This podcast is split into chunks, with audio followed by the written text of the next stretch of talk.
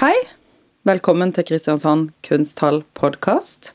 Jeg heter Miriam Christensen, og i studio sitter Cecilie Nissen, som vanlig. Ja, Ja. der sitter jeg. Der sitter du. Og så har vi med oss kunstner Jan Frøyken. Cecilie, du er eh, leder i Kunsthallen, kurator. Nå er det Jan Frøyken sin utstilling vi skal snakke om. 'Elektrifisert sokkel'. Ja. Jeg pleier å spørre deg hvor, hvorfor, eh, hvorfor kom denne utstillinga nå? Men det er kanskje litt Det er jo nesten et litt for stort spørsmål å svare på. ja, jeg kan jo eh, prøve å si noe. Jan har jo vært viktig for kunsthallen. Ja, han har det.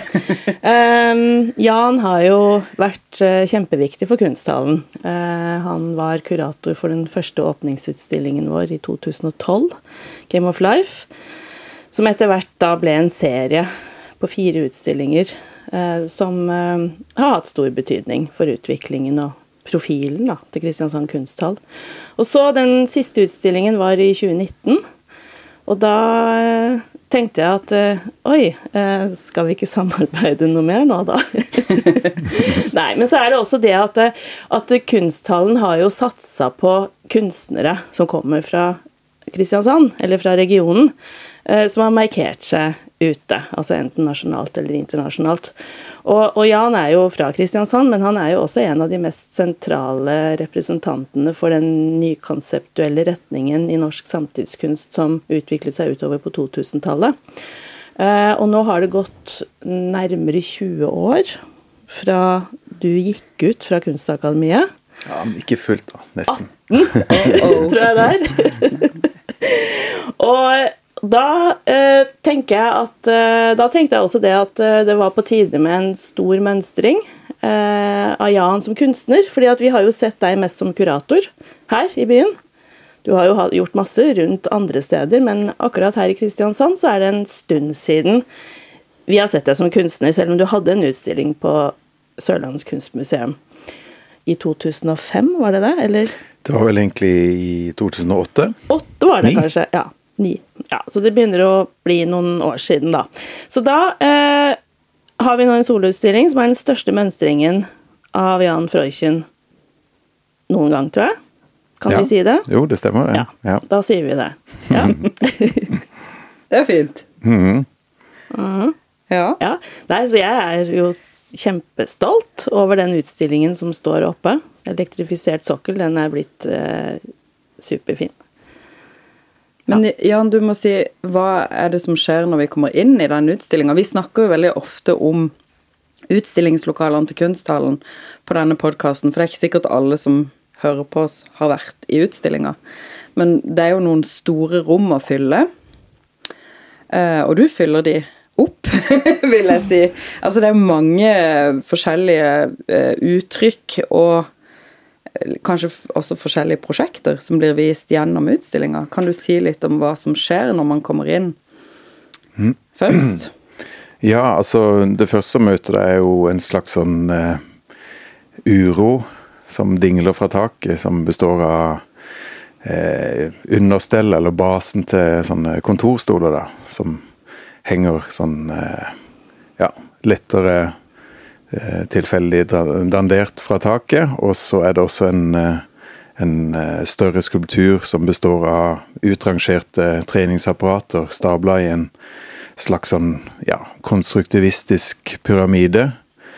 Og også et eh, større todimensjonalt verk som er altså oljestift på, eh, på treplater, men altså det er en slags sånn simulert tavle eh, som Litt sånn skoletavle? ja, det er liksom en litt sånn old school eh, eh, skoletavle, Mm. som, eh, som da er eh, fragmentert på et vis. da, Så den, den er egentlig inndelt som en eh, slags stor sånn tegneserieside, men hvor hvert, hver rute da henger eh, for seg sjøl. Så det er liksom eksplodert utover de to eh, frontveggene der, da. Og så har du en tittel. 'Elektrifisert sokkel'. Ja. Eh, eh, jeg visste jo ikke helt hva jeg skulle kalle utstillinga, og så tvang dette her seg fram som en sånn en eh, eh, et sånn et begrep som var litt for fristende til å bare la seile av gårde. Det er jo selvfølgelig eh, altså Elektrifisert sokkel er noe som man kjenner fra den politiske debatten om hvorvidt man skal bruke eh, ja, grønn kraft på å eh, elektrifisere eh, sokkelen, altså den eh, ilandføringa av olje og gass. Mm. Eh, det er en veldig eh, forurensende prosess, som man da tenker seg at skal gjøres mer eh, grønn og skånsom ved at man bruker grønn energi på selve den raffineringsprosessen. da. Mm. Ja, og i det ligger det jo selvfølgelig et enormt paradoks, for når man eh, tar energien eh, fra et sted, så blir det alltid manko et annet sted. Så eh, i bunn og grunn så handler det jo mer om en slags eh, god gammeldags grønnvasking av eh, oljenæringa, da. I hvert fall så vidt jeg kan eh, se det. Mm. Ja, så Det var utgangspunktet som jeg begynte å, å, å, tenke litt rundt. For det er jo et sånn et uh, veldig tydelig paradoks hvor man uh, Eh, hvor man vil, vil, gjøre det gode, uh, samtidig som det nok eh, murrer en eller annen tanke bak i reptilhjernen om at det kanskje er en dårlig idé samtidig. Mm. Eh, og akkurat sånne type eh, paradokser som det er jo noe som jeg syns er litt sånn fristende å ta tak i. da, og eh, så begynte jeg å tenke litt rundt det, og så bevegde jeg meg egentlig ganske raskt bort fra selve det konkrete problemstillinga som elektrifisering av sokkel er, og begynte liksom å tenke på sokkelen i kunsthistorien, rett og slett. Og hvordan eh, mye av det forrige århundrets kunsthistorie er en eh, fortelling om hvordan skulpturen gradvis eh, oppløses og smelter ned og blir en del av sokkelen. Eh, og så har jeg videre da tenkt på, på, på den nye skulpturelle formen som kommer ut av det, da. Som, hvor, som en slags sånn en um, energisk konsentrasjon, da. Og derav det elektri elektrifiserte i den kunstneriske sokkelen også, da. Ja, for nå hadde jeg tenkt å spørre deg om, eh, om dette er en politisk utstilling, da.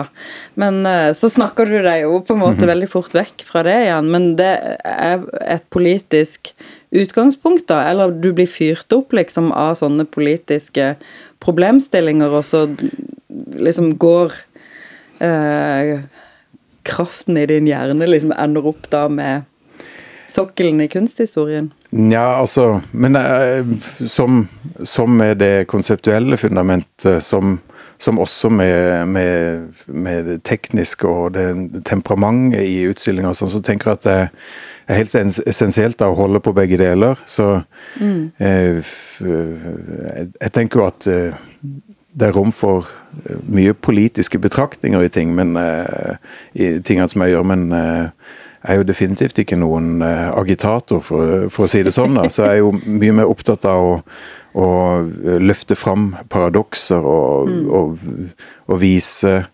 um, ja, muligheten av ambivalens, mer enn å fortelle folk hva de bør mene om en eller annen sak. For det er jo i bunn og grunn en håpløs oppgave, og også utrolig uh, lite fristende å gyve løs på, syns jeg. Ikke sant.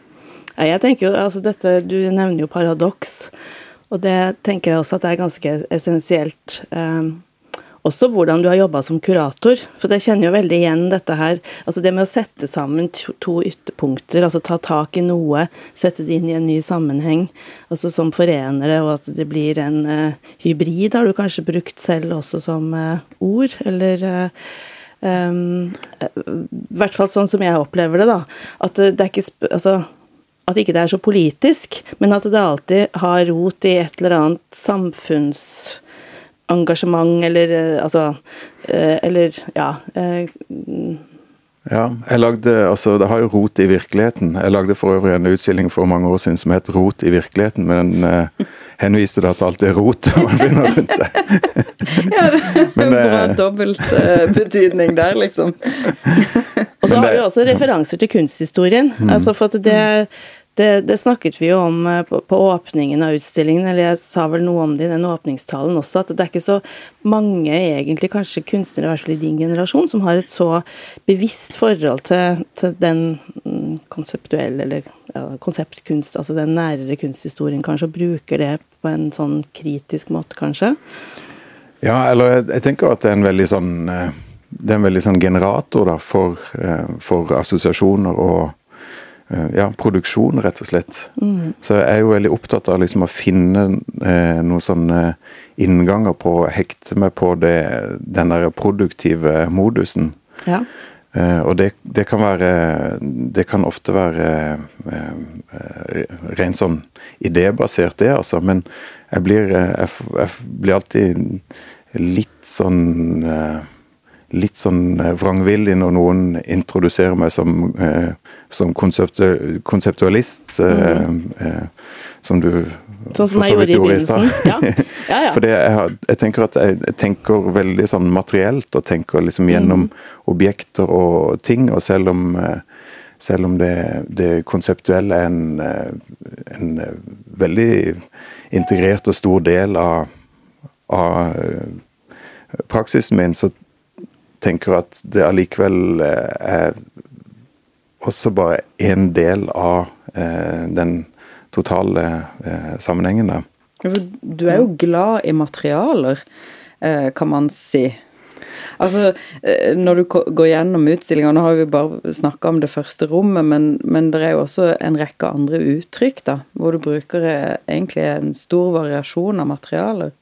Men er ikke det litt typisk for din generasjon, egentlig? Altså for det, jeg bare tenker litt sånn tilbake mm. nå, altså det begrepet nykonseptuell eller sånt. altså mm. det, det, som jeg forbinder med, med din generasjon, er jo nettopp den der kombinasjonen av ideer og materiale. Altså ja. Det er jo ganske mange i den generasjonen som jobber på den måten der. Mm. Så hva slags Definitivt. ord man bruker på det, det, det vet mm. jeg ikke, men jeg tenker at det er i hvert fall litt typisk. Og da er jeg litt nysgjerrig på, for det tror jeg aldri vi, vi, har snakket noe særlig om. Altså bakgrunnen din og utdannelsen din, og hvordan du kom fram til denne måten å jobbe på.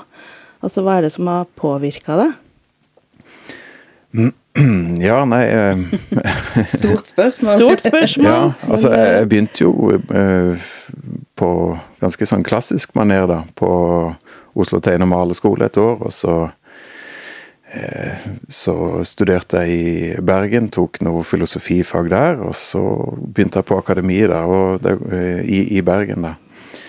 Um, og det var jo klart at uh, akademiet i Bergen på den tida hadde jo uh, visse sider ved seg som nok har Som nok henger i mitt kunstnerskap ennå. Som for eksempel da? Hva da? Nei, jeg tenker på visse visse Eh, ja, idémessige retninger som sto sterkt der, da. Eh, det var jo noen, eh, også noen sterke personligheter der, da. Det er jo de to som hadde mest påvirkningskraft på meg, var jo nok Lars Wilks, og, men i større grad også Stefan Lillemot, som jeg studerte under i et par år.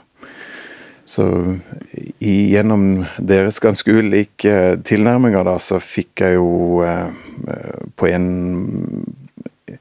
På en måte en sånn en skolering i hvordan man kan tenke kritisk og kontrært om fenomener rundt seg, og herunder også selve kunstproduksjonen, da.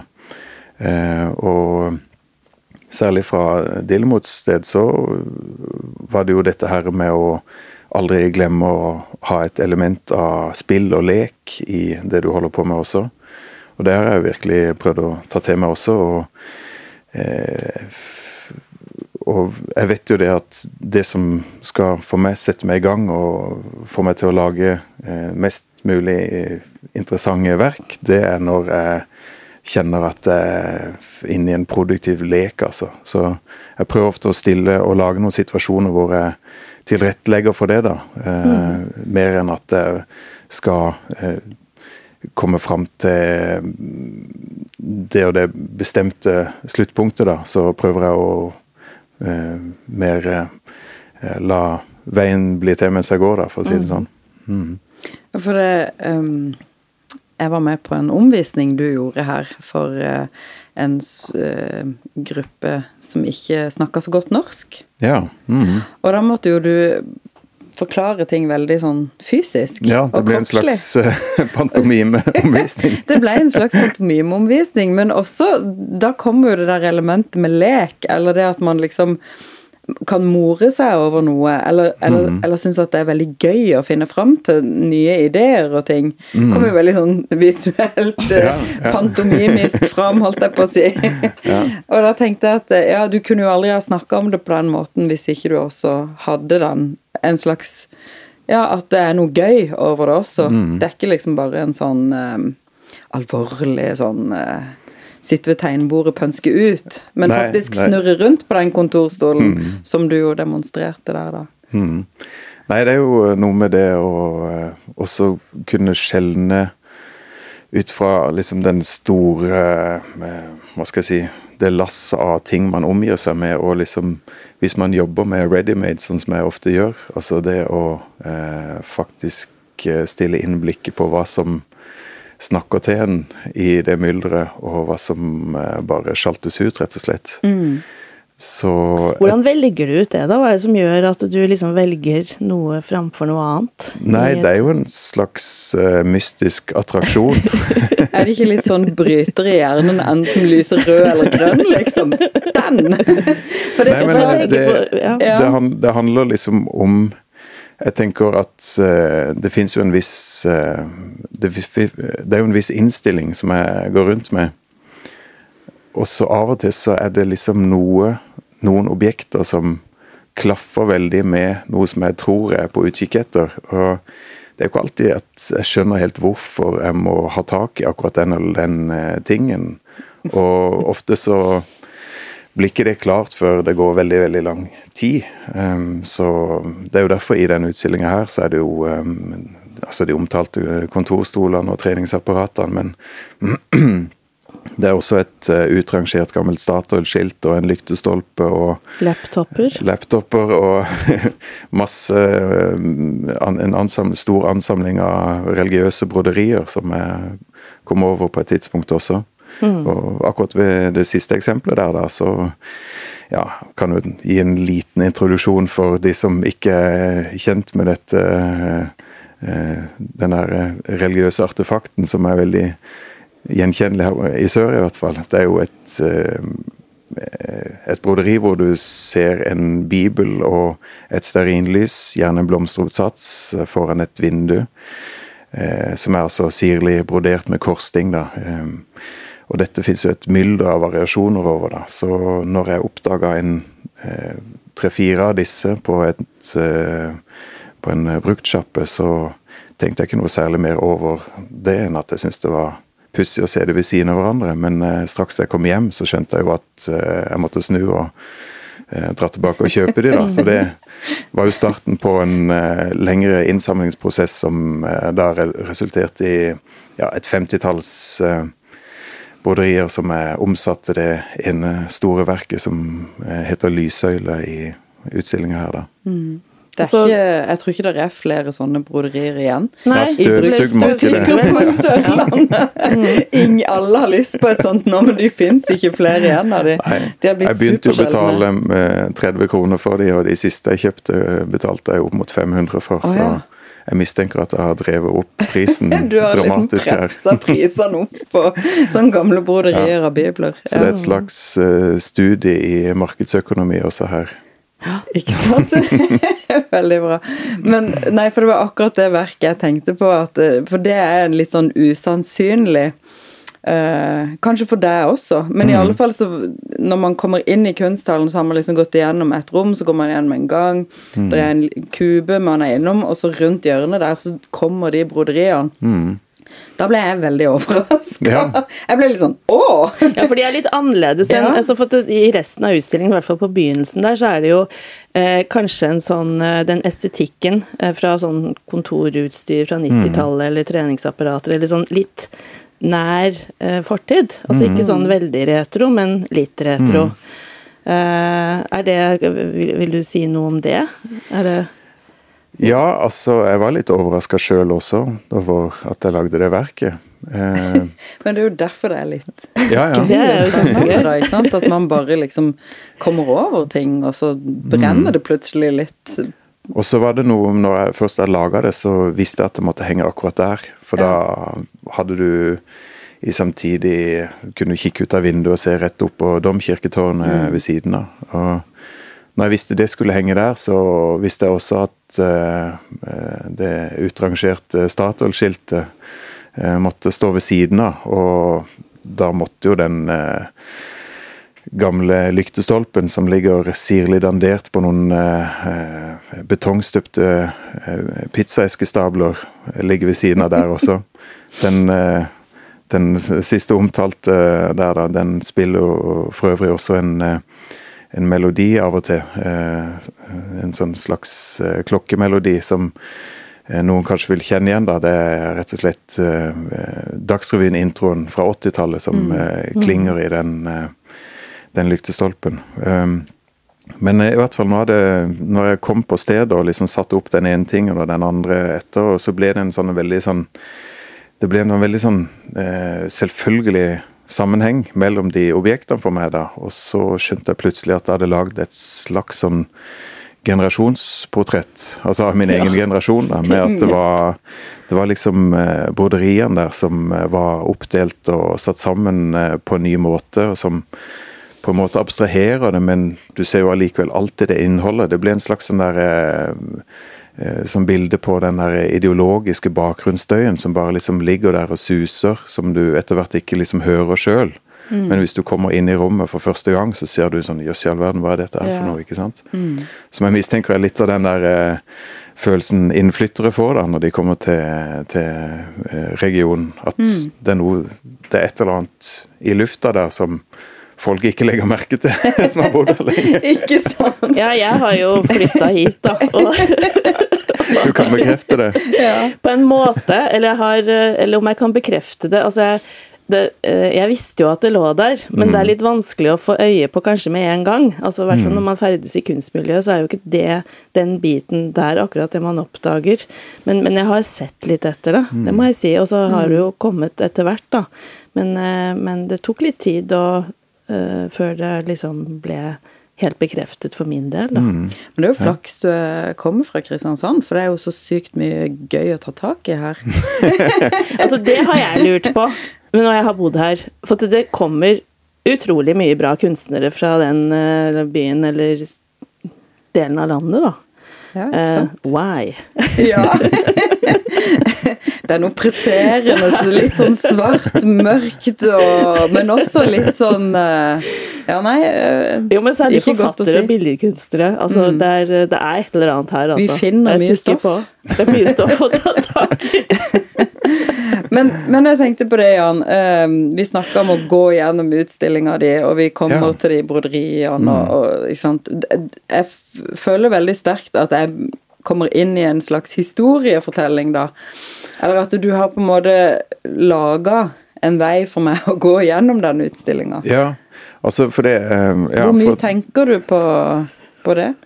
Eh, jo, altså En av utfordringene som jeg alltid står overfor når jeg lager utstilling, og særlig i denne sammenhengen, da, er liksom eh, hvordan jeg skal forene de ulike teknikkene og temperamentene som, som jeg føler jeg må favne om. Um, og det var egentlig særlig sånn presserende her, da, uh, hvor jeg har uh, et sånn påtakelig spenn hvis du setter enkelobjekter uh, rett ved siden av hverandre.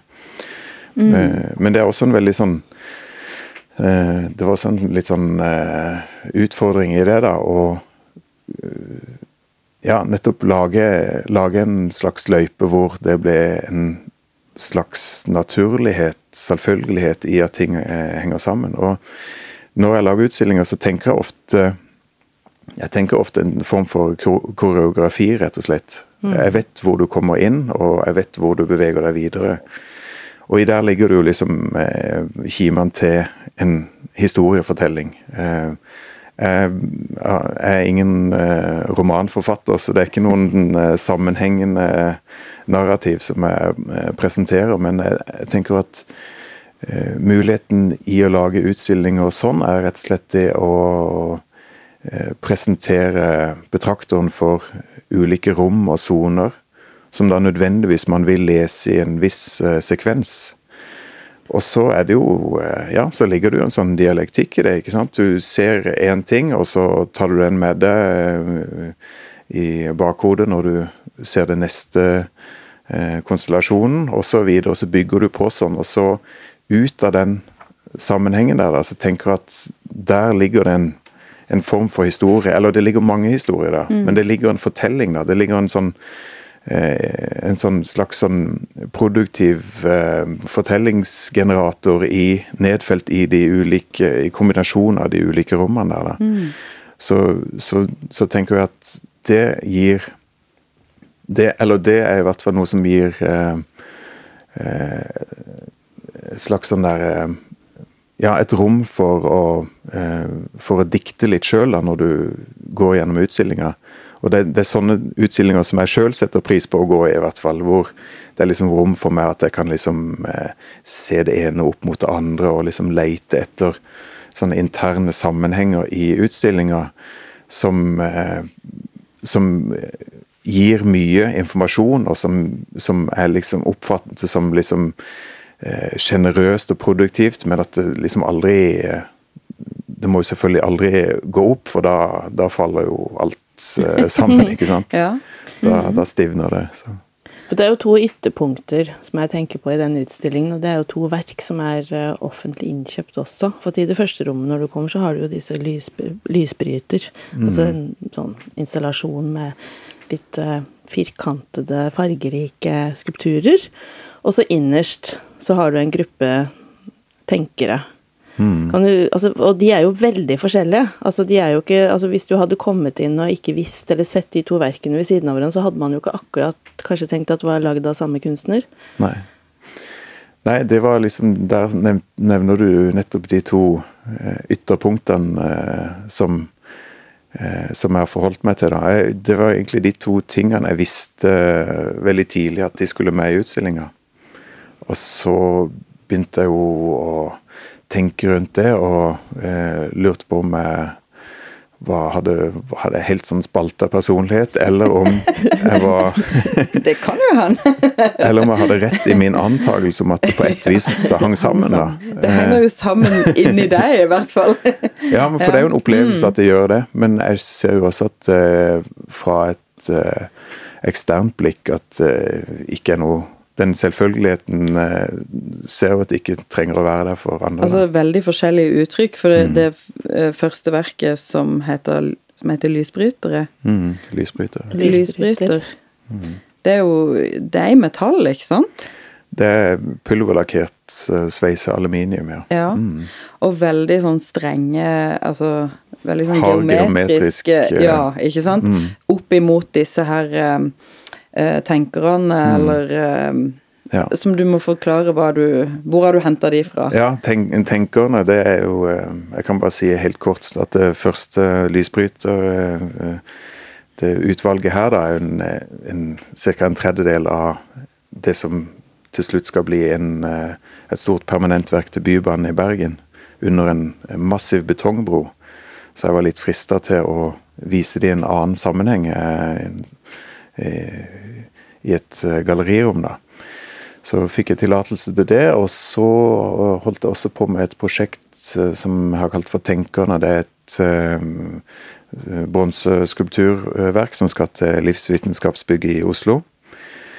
Um, og her, så, I denne utstillinga her da, så er det en litt annen tapning enn det det skal bli til helt til slutt. da, Men utgangspunktet, eller materialet, er i hvert fall um, forskjellige tider og steders um, avbildninger, skulpturelle avbildninger av, av uh, personer i en sånn en slags tenkerpositur, da. Mm. Um, etter uh, Rodins tenker, tenkeren så er det jo umulig å ikke se akkurat en tenker i enhver eh, sånn kontemplativ stilling ikke sant, på en, i en skulpturell figur. Så, så ble jeg litt interessert i det at det fins jo sånn masse eksempler på det, da. Og etter hvert så leita vi fram til et utvalg da som bare består av forskjellige eksempler der som er laga av kulturer som ikke fins lenger, rett og slett. Så det er eh, neolittiske, altså bronsealderskulpturer. Det er fra prekolumbiansk tid. Det er noen fra eh, dagens Midtøsten, men for eh, 2500 år siden. Og dagens Romania, Balkan osv. Så, videre, så det det har et spenn på omtrent 7000 år, disse forskjellige skulpturene. Og det har en eh, geografisk utstrekning på en hel planet, holdt jeg på å si. Så, eh, så har jeg da, basert på bilder, eh, modellert disse i leire. Eh, og avpassa de litt sånn størrelsesmessig til hverandre. Så de er alle oppjustert litt, men noen har gått liksom fra å være 5 cm høye til å bli 50. Men sånn at alle er liksom sånn høvelig eh, Ja. De, de, ser ut som en gruppe, da. Og mm. de er mm. støpt i eh, bronse og patinert eh, irra eh, grønne. Og i utstillinga så står de da plassert på forskjellige pidestaller. Det er avstøpning av pizzaesker, og det er avstøpt eh, bunker eh, med, med papir og bøker. Um, du er veldig glad i sånne avstøpninger av ting? Ja, det er litt uh, I hvert fall i denne sammenhengen her, da, så er det jo liksom uh, Litt det med å raffinere det som er det du egentlig kaster, da. Mm. Også det at det er sokler, for dette er jo sokler. Mm. Alt i pizzaesken og ja. papirbunken og sånn òg. Mm. Og så er det jo, apropos det jeg sa i begynnelsen, da, at mye av det forrige århundrets eh, skulpturhistorie handler om egentlig at eh, eh, menn på sokkel, bronseskulpturer på sokkel, er noe som forsvinner, og det, det figurative elementet smelter ned i sokkelen, og det er liksom i sokkelen det skjer, for å si det sånn. da, Så ble avslutninga på denne utstillinga som et slags sånn der eh, litt sånn eh, kontrært eh, eh, konklusjon på den leksa der, da, hvor det ble eh, forskjellige eh, bronseskulpturer da, som sitter eh, kontemplativt på disse eh, ganske så analoge soklene, da, men i hvert fall Det er jo litt humor i det også, vil jeg si. Det er jo det. Um, ja.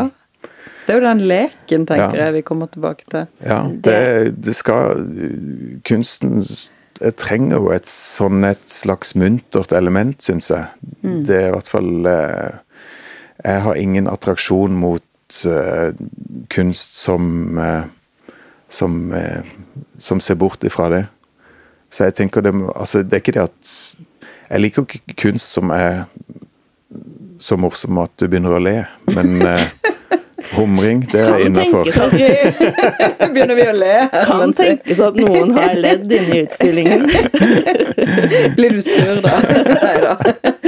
Ja. Nei, men det, dette er jo ting man ikke kan uh, Du kan jo ikke på en måte bestemme hva en, Nei, en men eh, det, la oss si det sånn at det, da? Det Linn jeg søker, er mm. mer sånn uh, humrende enn en sånn slapstick-latter, da. Og det er jo ja. du som er din ultimate publikummer, på en måte, eller betrakter, eller leser av dine verk, er jo deg sjøl, på en måte. Så hvis det, hvis det får deg til å humre, så, så er det det er sånn det skal være, liksom. eller Nei, altså det er jo som med alle ting, altså, det, altså med, med all, all, kunst, at det må jo være noe i det som liksom Som, eh, som løfter deg opp litt, som mm. liksom gjør at du tenker at uh, dette er verdt å forfølge, og her er det noe Her fins en type uh, energi som uh, har lyst til å formidle videre. Mm. Og hvis ikke det har det, så blir det jo gjerne veldig sånn insisterende, da, og litt sånn får et sånn element av plikt over seg. Mm. Og da er det jo kanskje bedre å la være. Men du sa i stad at eh, For vi snakka om liksom gangen i utstillinga, Mm. og du, du sa 'jeg er ikke noen romanforfatter', sier du. Eller du er ikke en sånn narrativ sånn Du forholder deg ikke til en fortelling på den måten, men, men da tenkte jeg på at eh, litteratur har en betydning for deg som kunstner. Og du driver jo også et forlag. Så jeg lurer på den litterære verden. Hvor liksom Du har jo også henta inn eh, litt tekst. Ja, det er jo litt eh, tekst i utstillinga, altså da primært eller kanskje bare mm, Nei, altså primært i hvert fall i den det store de verket som heter. Ja. Ja, det er et verk som heter The Time Machine, og består av eh, eh, masse fragmenter fra eh, tegneserieversjonen av H.G. Wells sin bok ved samme navn. da. Så det eh, har jeg egentlig satt opp der, da, som De står jo i en veldig sånn eh, kaotisk sammenheng, eller konstellasjon, de sitatene. Og de gir ikke noe sånn umiddelbar mening, men de skaper en type eh, forvirring og luftighet da, som jeg syns kledde eh, utstillinga i sin helhet. da. Så de blir som en, en slags sånn en eh, eh, invitasjon til hvordan man kan betrakte resten av eh, verkene, tenker jeg. Og Men litteraturen har jo en betydning for deg, tenker jeg. Litt sånn uttalt. ja, Ja. Du har jo skrevet en novelle, til og med. ja. Ja, jeg har skrevet med sammen med Sigurd Ja. Tenningen, så har vi jo skrevet en, eh, en eh, liten novellesamling, 'Appelsinia-komplekset', som kom for noen år siden. Og, men ellers så har jeg jo eh, eh, Ja, jeg, jeg liker å forholde meg til tekst på et eller annet vis, men eh, Har litteraturen en direkte betydning i kunstnerskapet ditt, da? For å omformulere Nja, jeg vet ikke. Jeg er litt sånn Jeg vokter meg litt for å liksom tenke for, eh, for språklig og litterært om eh, Om eh, de objektene jeg lager også. Så jeg mener, jeg har jo definitivt en attraksjon og en fascinasjon for litteratur, men det er ikke sånn at jeg tenker at den eh, At at mitt kunstnerskap liksom um, behøver det heller for, å, for at man skal kunne sette pris på det, da. Og kanskje mer et sånn inspirasjonsspørsmål. Ja. Men jeg tenker på en annen ting som ikke vi har snakka om, og det er det at eh, altså, vi, Nå har vi snakket mye om readymades og, og avstøpninger og, Ja. og sånt, men så er det jo faktisk en hel del uh, arbeider som henger rundt på veggen, som har tittelen 'Elektrifisert sokkel'. ja. Uh, det er tusjlaveringer og kollasje, kanskje, kan man si, Mm. uh, som går kanskje tilbake også til den litt mer klassiske begynnelsen på kunstnerskapet ditt, sånn som jeg ser det i hvert fall litt, da, for du har jo holdt på med det for lenge siden også. Mm. Ja. Ja, det er jo altså de, den serien du snakker om eh, eh, Det er jo altså tusjlaveringer, altså blekk og vann på akvarellpapir og eh, ganske sånne figurative motiver, da, som eh, eh, Som alle er i samme format. Eh, og oppå disse, da, så har jeg laga noen sånne mer sånne grafiske infografikkaktige eh, greier i gårdsmaling, som er fargesterke og mye tettere enn eh, akvarellmaling, da, eksempel. Så, så ja, jeg begynte å lage noen av disse her bildene. eh, Det var Jeg bodde oppe i Nord-Norge eh, fram til sommeren eh, nå i fjor, og jeg hadde jo begynt å jobbe med utstillinga her, og jeg visste at jeg trengte en ting som kunne sy sammen de ulike eh, delene av utstillinga. Og så oppdaga jeg egentlig når jeg lagde noen av disse her eh, motivene, at eh, så lenge jeg holdt meg til samme format og samme teknikken, så kunne jeg egentlig hive hva som helst ned i den bæreposen, og så allikevel så liksom holdt det sammen, da. så, så, jeg begynte egentlig bare å produsere ganske mange av de verkene, og så eh, kom jeg inn i en sånn en god produktiv modus da, der det liksom bare eh, antok sin egen logikk litt, da. Og så har det resultert i eh, 40-50-talls eh, innramma tegninger nå på, på utstillinga her til slutt, da. Men jeg tenker veldig på det som en slags sånn der eh, Det er en slags sånn På en måte en slags sånn søm som syr sammen de ulike rommene og delene av utstillinga som syr det sammen. Og så på en annen side så er det så mange sånne små vinduer ut til andre sånne betraktningsmåter og steder. da, så det kommer jo det er hele tida mange sånne blikk ut på forskjellige andre landskap. og så Det er noen eh, sånne små måltroster som eh, eh stirrer inn i utstillinga fra tid til annen der. og Det fins liksom noen andre sånne elementer som, som det litt sånn harde skulpturelle da ikke favner om, som har tatt inn i tegningene. Eh, ja, nå tror jeg vandra meg inn en blindvei her. Jeg husker ikke hvor jeg skulle videre. Men er det noe du kommer til å fortsette å jobbe med? For nå er jeg litt nysgjerrig på hva du ser for deg videre etter dette. Ja, altså Jeg, jeg syns jo det har Jeg syns det var veldig fint å finne en sånn en En sånn en form som er Som, som liksom tåler å strekkes veldig, da.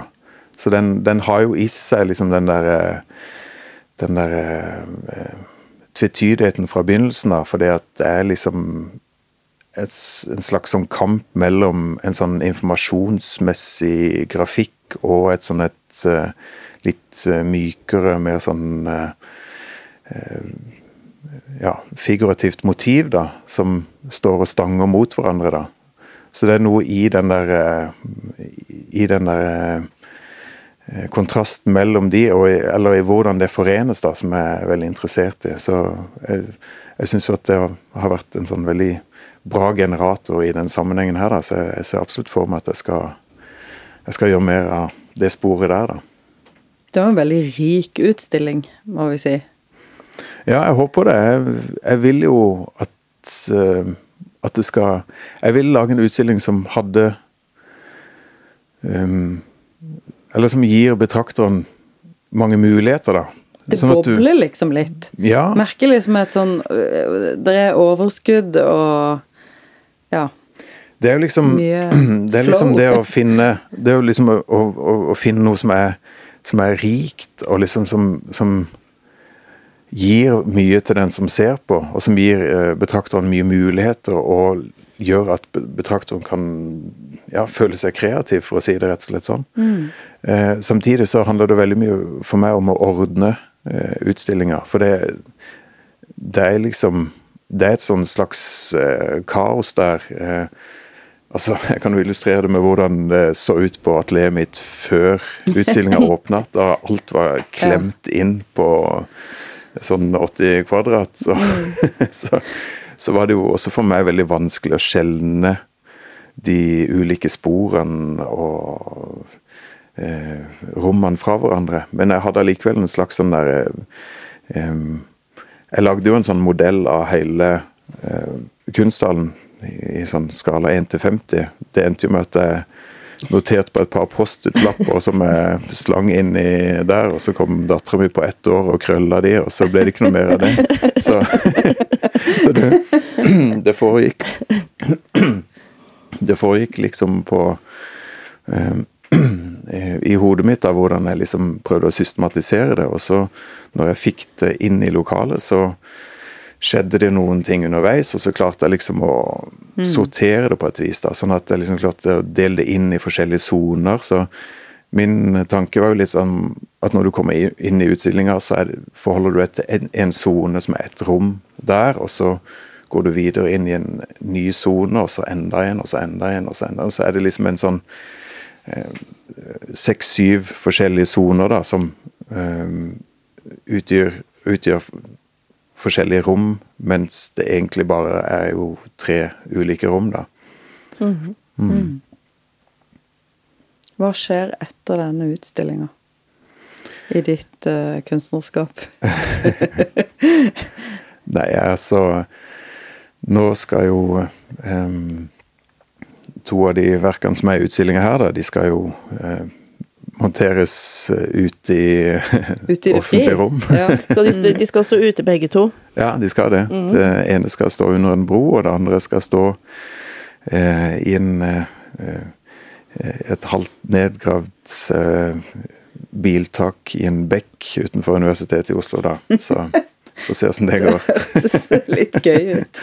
og så ja, så jobber jeg med en eh, Skal ha en uh, utstilling på Kunstnerforbundet og, og, en annen på et uh, galleri i Oslo til året som kommer. Da. Så det er en sånn jevn strøm videre? Ja, det er alltid et eller annet annet som jeg tar tak i, da, så Dukker det opp et nytt materiale, da, eller en sånn Hva tenker du på? Sånn, Nei, sånn fysisk. Altså, har du, har, du, har du, funnet et nytt objekt, eller har du funnet en ny idé, eller? Nei, jeg vet ikke. Altså, jeg, det kan kanskje se ut på utstillingen min at jeg liksom At jeg jobber litt sånn planmessig, men jeg er liksom ganske sånn det er ganske mye innfall og ting som forandres helt, helt til siste liten, altså. Så, mm. eh, så jeg sier jo eh, jeg, jeg, snakker jo veldig mye om, om kunst med, med, Linn Pedersen, altså min kone. Som, og så, så, kommer jeg ofte opp med Tidlig opp med en eller annen skisse og plan om at uh, denne gangen jeg skal gjøre det sånn og sånn. Ja. Og da ser at hun da humrer hun litt og ja. sånn, klapper meg på skulderen og sier liksom. ja, vi får se på det, du. ja, men det er gøy. Det betyr at det alltid er spennende å følge med på ditt kunstnerskap, Jan. Ja. Mm. ja. Denne utstillingen står jo til 22. mai. Mm. Mm. Så, Så det er bare å løpe og se. Løp og se. ja. Men tusen takk, Jan. Ja, og eh, tusen takk for, tusen takk. for muligheten til å lage utstilling i dette flotte lokalet. Og ja, samarbeide og med deg og alle andre på mm. institusjonen. Mm. Alltid veldig gøy å jobbe med deg, så det setter vi pris på. Da sier vi takk for denne gang til Kristiansand Kunsthall podkast.